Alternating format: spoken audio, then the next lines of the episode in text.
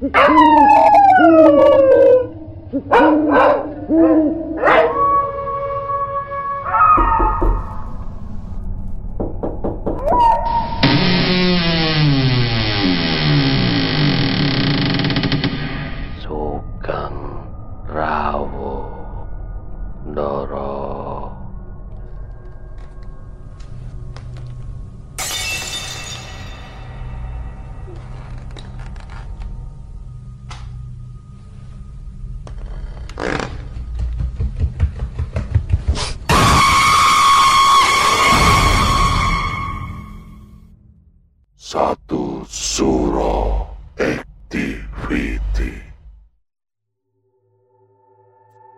Assalamualaikum warahmatullahi wabarakatuh. Selamat malam. Rahayu, rahayu, rahayu. Para pendengar satu suro activity. Saya, Panembahan Dokter Mistik. Di episode sebelumnya, Nenek damailah di alam sana, bagian satu. Karena nenek tidak suka hal-hal yang berbau agama, doa, atau benda suci lainnya. Semenjak sakitnya membuatnya tidak bisa bicara. Kemudian aku nanya ke nenek, apa mereka sudah pergi, Nek? Kenapa mereka memarahiku? Kata nenek. Tatapan nenek saat itu fokus banget ke dinding, kayak orang bengong dan gak gerak sedikit pun badannya. Jadi matung aja tapi menjawab semua pertanyaanku dengan nyambung. Oh, mungkin mereka meminta nenek istirahat. Ayo kita tidur sekarang. Ini sudah larut malam, kataku megangin pergelangan tangannya. Nenek lalu putar badan dan masuk ke lambu. Aku pun ikut tidur di kelambu nenek malam itu. Pagi harinya, aku dan kedua adikku berangkat ke sekolah dan mama menemani nenek di rumah sampai nanti kami pulang sekolah. Kehilangan kerabat keluarga atau seseorang terkadang membuat kita terpukul. Apalagi jika melihat saat sakaratul maut yang terkadang membuat kita bertanya-tanya. Seperti halnya kisah mistis malam hari ini, yaitu Nenek Damelah di Alam Sana oleh Meriana, bagian kedua. Selamat mendengarkan.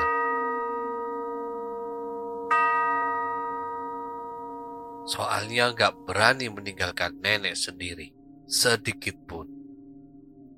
Karena susah makan dan minum, dan dia sering banget manggil. Kayak cuma beberapa detik, minta makan atau minum. Jadi nggak bisa ditinggal. Ketika kami sudah kembali ke rumah, Mama baru bisa mengerjakan pekerjaan rumah sampai selesai. Dan aku menggantikan tugas Mama menjaga dan merawat nenek. Begitu seterusnya setiap hari. Sore harinya ketika hari mulai gelap, nenek kembali mengambil kaos bapak. Kami paham maksudnya dan membiarkan nenek memeluk erat kaos itu sampai dia puas sendiri. Mama sengaja tidak menjelaskan kenapa bapak lama, karena agak susah juga jelasinnya. Toh nenek gak paham juga kota itu sejauh apa. Jalan ke sana sesulit apa, jadi percuma. Bapak di sana sekitar seminggu kemudian pulang dan membelikan nenek roti yang lembut biar bisa diemut. Tapi tetap saja, rotinya harus dihancurkan dulu di sendok, kayak ngasih obat ke anak kecil gitu. Baru dimasukkan ke mulut nenek pakai sendok. Bapak juga membelikan obat yang warna ungu untuk dioleskan ke lukanya nenek juga ada beberapa obat tablet gitu untuk mengurangi nyeri serta obat demam. Bapak juga menceritakan bagaimana perjalanannya ke kota. Di sana ramenya kayak apa dan cucu-cucu nenek di sana baik-baik saja. Jadi kayaknya menceritakan dongeng sebelum tidur. Itulah ke nenek. Biar nenek senang dan lain kali kalau ditinggal lagi, nenek gak sedih atau khawatir. Begitu maksudnya. Padahal kami tahu betapa hancur jalan ke sana, sakit dan capeknya geol sepeda, lelahnya berkeliling jualan sayur. Intinya, kebalikan dari cerita-cerita bapak ke nenek. Kakak-kakakku di sana saat itu memang sedang kehabisan beras dan ada utang di warung juga. Mereka di sana sekolah sambil bekerja jadi tukang cuci dan pengasuh anak dengan bayaran 75.000 per bulan. Dan kalau jadi pengasuh, bayarnya makan gratis. Dikasih kayak sayuran atau kue-kue gitulah sama majikannya. Lalu pada malam harinya, sewaktu kami sedang makan malam, aku sama mama menceritakan keanehan yang terjadi sama nenek ketika bapak tidak di rumah kemarin. Bapak di situ berkata sambil mengusap pipinya, nahan mau menangis. Mungkin mama udah mau pergi. Aku sudah ikhlas kalau mama nanti pergi daripada melihatnya sakit seperti ini. Di sana dia pasti sembuh. Pada tengah malam, seperti kebiasaannya, Bapak saat itu belum tidur. Dia masih duduk aja nyender di tiang sekat antara kamar kami dan kelambu nenek. Kayak merenung, memikirkan sesuatu. Dan selalu begitu. Menurut cerita Bapak, dia saat itu mendengar suara kresek-kresek dari dalam kelambu nenek. Bapak lalu membuka kelambu nenek, memastikan keadaannya. Di sana Bapak melihat nenek meraba kantung sirihnya. Lalu membuka kelambu, gesot keluar dan duduk aja mandangin dinding kayak malam-malam sebelumnya. Di situ Bapak mendengar nenek bicara. Aku tidak mau pergi sekarang. Kalian duluan aja. Nanti aku menyusul. Bapak diam dan melihat lebih lama lagi apa aja yang dibicarakan nenek dan apa aja yang akan dilakukan nenek. Nenek mengambil siri sambil bicara sendiri. Jangan, jangan ganggu mereka. Aku akan marah kalau kalian melakukan itu. Kalian jangan masuk ke sini. Aku bisa mendengar kalian dari sini. Artinya nenek bicara dengan sosok gaib yang berada di luar rumah. For your information, dinding yang selalu dipandang nenek memang ke arah samping rumah yang ada pohon bambu dan pohon pinangnya. Bapak juga bisa mendengar suara dari pohon-pohon bambu yang bergesekan. Bapak tetap diam, mantengin nenek dari samping lampu. Di situ Bapak melihat nenek membelah pinangnya. Kemudian nenek berkata lagi, Besok malam saja, besok kalian bisa jemput aku ke sini. Jangan sekarang, Aku belum berpamitan sama mereka. Besok malam di malam berikutnya. Setelah itu nenek meletakkan alat-alat nyirinya, kemudian masuk ke kelambu. Tanpa bicara, Bapak juga kembali ke tempat duduknya tadi, sambil mengusap air matanya. Bapak berkata dalam hati, Pergilah, Mak, kami sudah ikhlas Semoga mama sembuh di sana. Itu diungkap bapak ke mama ketika mereka di ladang paginya. Karena pagi hari itu kebetulan hari Minggu, jadi dari pagi akulah merawat nenek di rumah. Sedangkan kedua adikku masih kecil-kecil dan takut sama nenek yang kondisinya sudah nggak karuan saat itu. Jadi mereka menghabiskan waktu dengan bermain di luar. Siang harinya pamanku, abangnya bapak, datang berkunjung ke rumah kami. Paman memang sudah sering ke kampung kami, menginap dua sampai tiga malam di situ. Masuk man, kataku mempersilahkan paman masuk. Bapakmu ke ladang, tanyanya. Iya. Gimana nenek? Ya ginilah man, makin lemah dan makin susah makan. Sakit telan makanan katanya, tapi sering minta makan meskipun gak dimakan. Paman mendekati nenek, menyalaminya dan menangis. Nenek langsung kebangun dan ikut menangis. Ma, aku datang menjengukmu, kata paman. Tuh, nangis tulisnya gengs. Lanjut ya, Nenek membuka tangannya minta dipeluk. Paman memeluk erat nenek. Mengatakan banyak hal, seperti penyesalan dan kekurangannya sebagai anak. Kesedihannya dan kerinduannya terhadap nenek. Aku pergi ke dapur untuk masak air. Buatin teh untuk paman. Sekalian ngasih waktu juga buat mereka. Batwe dapurnya nggak ada ruangan khusus di dalamnya. Tika buka pintu langsung ruangan pelong. Jadi langsung lihat tikar tempat nenek tidur. Kemudian dapur antara ruang pelong yang kami sebut ruang tamu ala-ala itu dengan kamar tidur kami disekat dengan dinding dari kulit kayu. Jadi dari dapur aku bisa lihat paman sama nenek sambil nungguin air matang karena pakai tungku sambil liatin mereka. Pamanku ini biasa dipanggil Paman Nibai.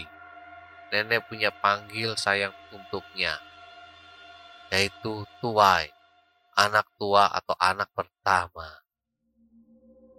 Paman sendiri seorang duda, mempunyai dua anak, perempuan dan laki-laki.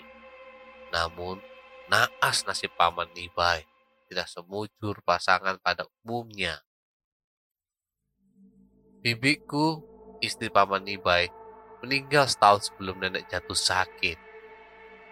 Kemudian disusul anak pertama Paman, lalu disusul cucunya, ponakanku yang baru menginjak usia remaja bernama Vira. Sedih banget, gengs. Paman Nibai sebenarnya punya banyak anak. Kalau dihitung ada sekitaran 12 atau 13 orang anak. Namun karena melanggar pantangan dan pamali, entah itu benar atau tidak, semua anak-anak yang lahir ke dunia satu persatu sakit selama beberapa hari kemudian meninggal. Tapi Tuhan masih berbelas kasih padanya. Tuhan memberkati kedua anaknya yang kini sudah dewasa. Anak perempuannya bernama Tira dan anak laki-lakinya bernama Nili. Selain dukanya, kehilangan keluarganya yang berturut-turut, Paman juga sering sakit-sakitan. Dan mereka termasuk keluarga yang sangat miskin. Maaf, bukan kasar atau jahat atau menghina. Itu memang benar. Kak Tira harus banting tulang sendiri merawat paman, membiayai hidup mereka, dan menyekolahkan kedua anaknya. Sebenarnya anak Kak Tira ada tiga orang. Tapi yaitu anak pertamanya bernama Vira juga pergi menyusul Bibi, neneknya ketika usianya menginjak masa remaja. Itulah kenapa nenek merasa pilu sekali setiap kali melihat dan mengingat zaman paman Nibai ini. Lanjut ya, sore harinya sekitar jam 6 sore, Bapak sama Mama sudah kembali dari ladang. Di situ, Bapak tidak bisa menyembunyikan tangisnya melihat kedatangan Paman Nibai. Aku sama Mama saat itu jadi ikutan nangis melihat mereka. Bapak di situ berkata, Beginilah kondisi Mama. Tidak ada harapan lagi. Aku sudah mencoba semua jenis obat yang disarankan tidak ada satupun yang bekerja. gini-gini aja. Paman Nibai mengusap bau bapak dan berkata, Maafkan aku karena tidak pernah membantumu sepeser pun. Aku juga selalu lemah dan sakit-sakitan. Kamu juga tahu itu. Ini aja aku baru bisa jalan ke sini. Setelah semingguan tidak mampu bangun dari tempat tidur. Tira juga sudah tidak mampu membagikan tenaganya merawatku sepenuhnya karena harus kerja sana sini. Sedangkan Nilim tidak pernah terlihat batang hidungnya menjenguk kami. Ya, aku tahu itu. Terima kasih sudah menyempatkan diri menjenguk Mama. Karena hatiku berkata, Mama tidak punya banyak waktu lagi untuk tetap bersama kita, kata Bapak. Hari itu seperti biasa, Paman Nibai menginap di rumah kami.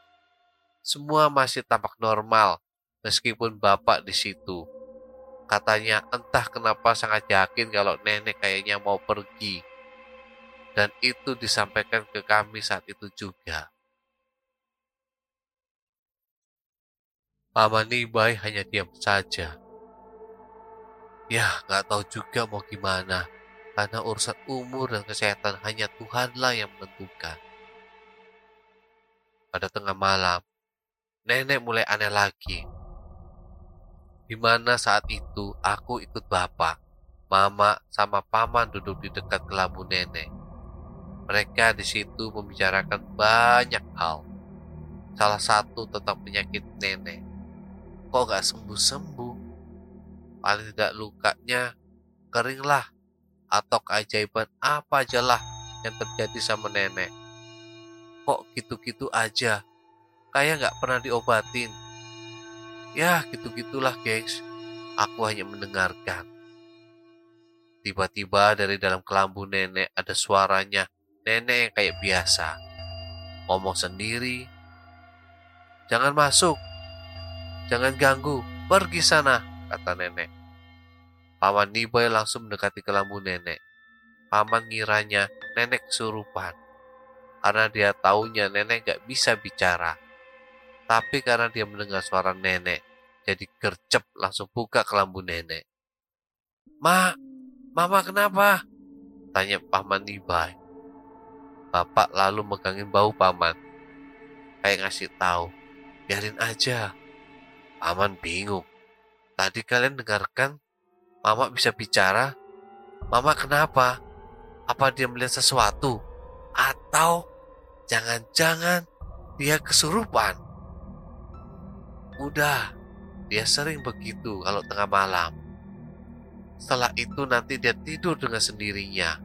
Yang penting dia nggak keluar rumah aja, kata bapak. Akhirnya paman kembali ke tempat duduknya, bergabung dengan kami. Kemudian terdengar lagi suara nenek. Aku tidak mau nyiri, aku mau tidur. Besok baru aku pergi, kami diam mendengarkannya. Dari luar terdengar suara gesekan pohon-pohon bambu. Nenek berkata lagi, Tidak, jangan masuk. Tunggu aja di luar. Paman Niba akhirnya gak tahan hanya mendengarkan. Dia pun membuka kelambu nenek. Mak, kata paman. Tapi nenek tidak ada di kelambu. Mak, kata paman lagi. Dia di samping lampu sana, kata bapak. Paman langsung ke situ dan melihat nenek yang sedang nyiri. Mak, mama ngomong sama siapa? Tanya paman. Kawan-kawanku, mereka mau ngajak aku pergi, kata nenek. Di mana mereka? Tanya paman. Di pohon bambu, kata nenek. Apa mereka mengganggu kamu, mak? Tanya paman. Mereka mau menjemputku, kata nenek.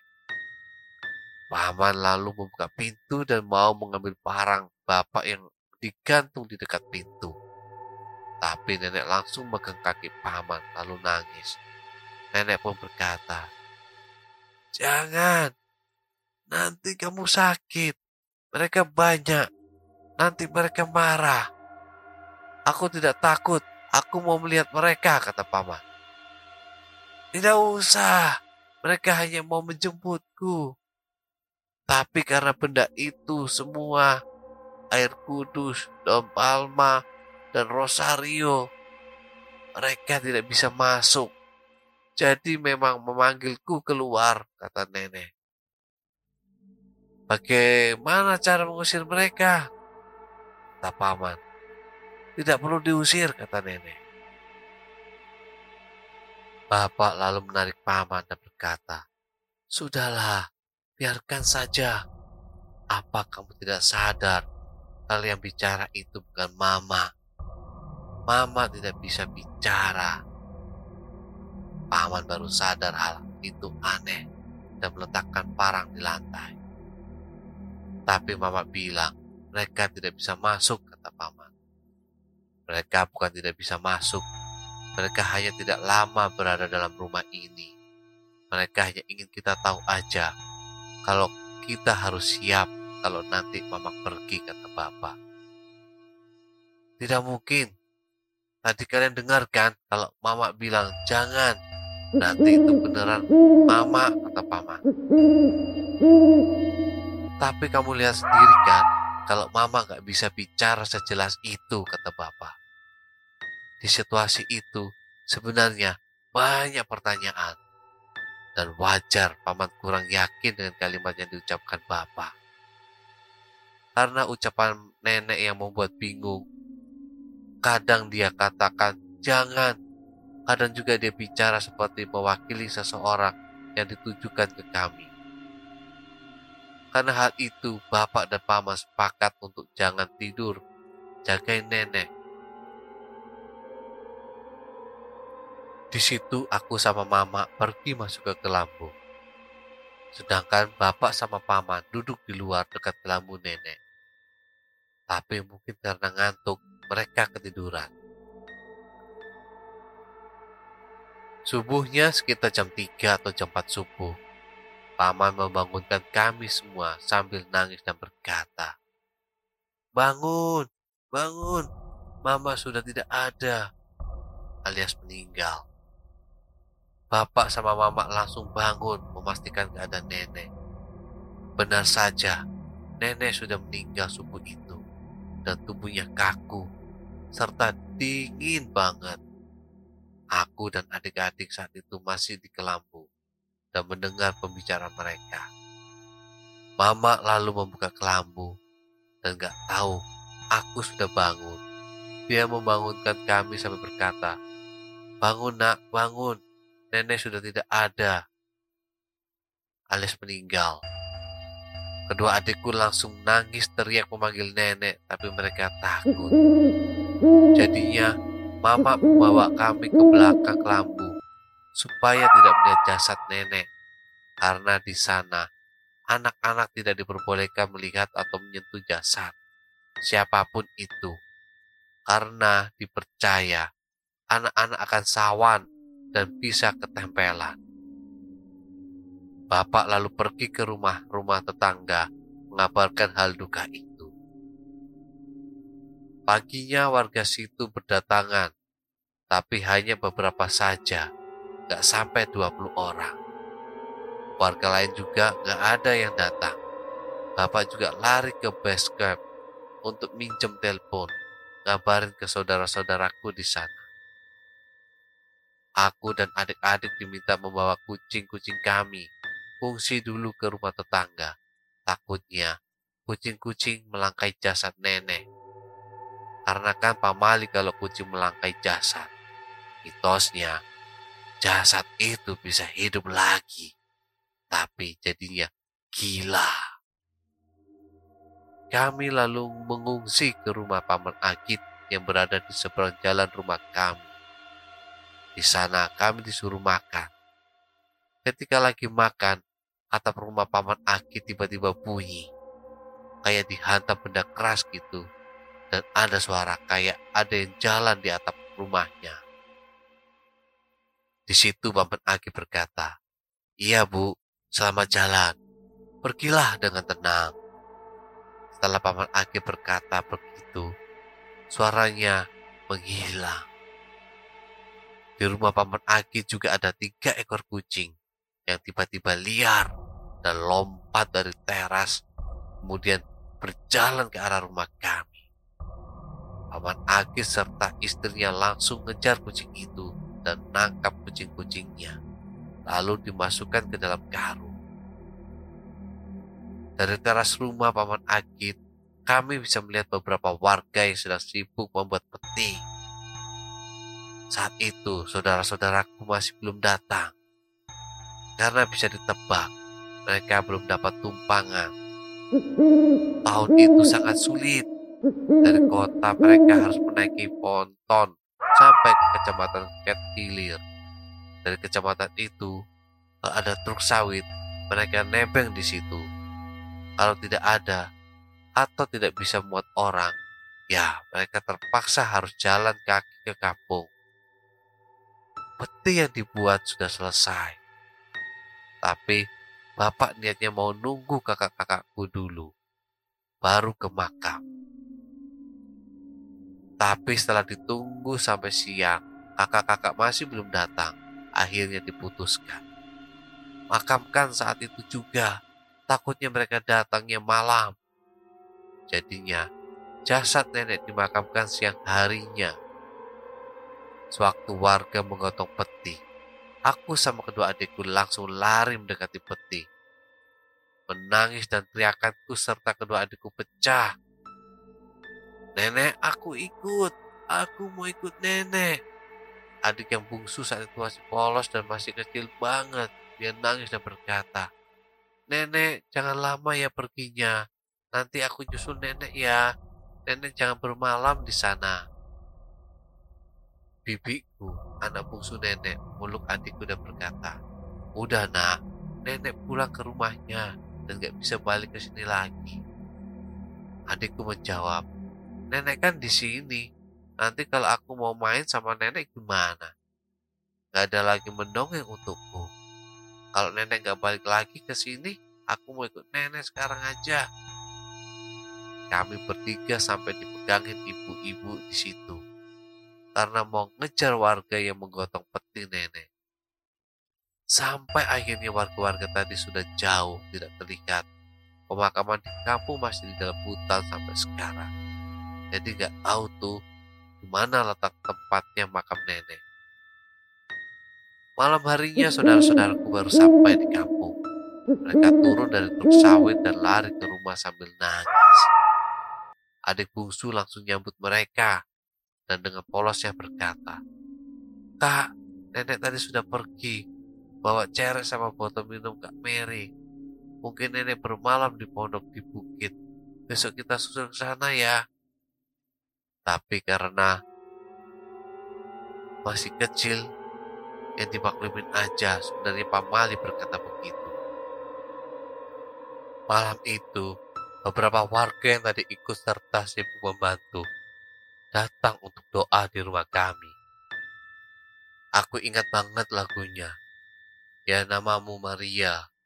Dan sampai sekarang, setiap kali mendengar lagu itu, aku meneteskan air mata. Mengingat nenek dan sangat merindukannya. Semoga nenek sudah sembuh di sana bersama para orang kudus di surga. Amin. Sekian ceritaku. Maaf ya jika banyak kekurangan dalam penulisan cerita. Dan mungkin kalian merasa tidak horor. Ya, memang gak horor. Tapi kehilangan orang tersayang lebih horor dari apa pun. Menurut para sahabat satu suruh activity. Itulah tadi kisah mistis dari Meriana mengenai kejadian-kejadian mistis menjelang kematian neneknya. Semoga arwah nenek tenang dan mendapatkan tempat terbaik di sana. Para sahabat satu surah activity, tinggalkan catatan doa kalian di kolom komentar. Like, subscribe, dan bunyikan lonceng keramatnya para sahabat satu surat ini. Tetaplah iling lan waspodo. Assalamualaikum warahmatullahi wabarakatuh. Salam, salam, salam. Rahayu, rahayu, rahayu. Sa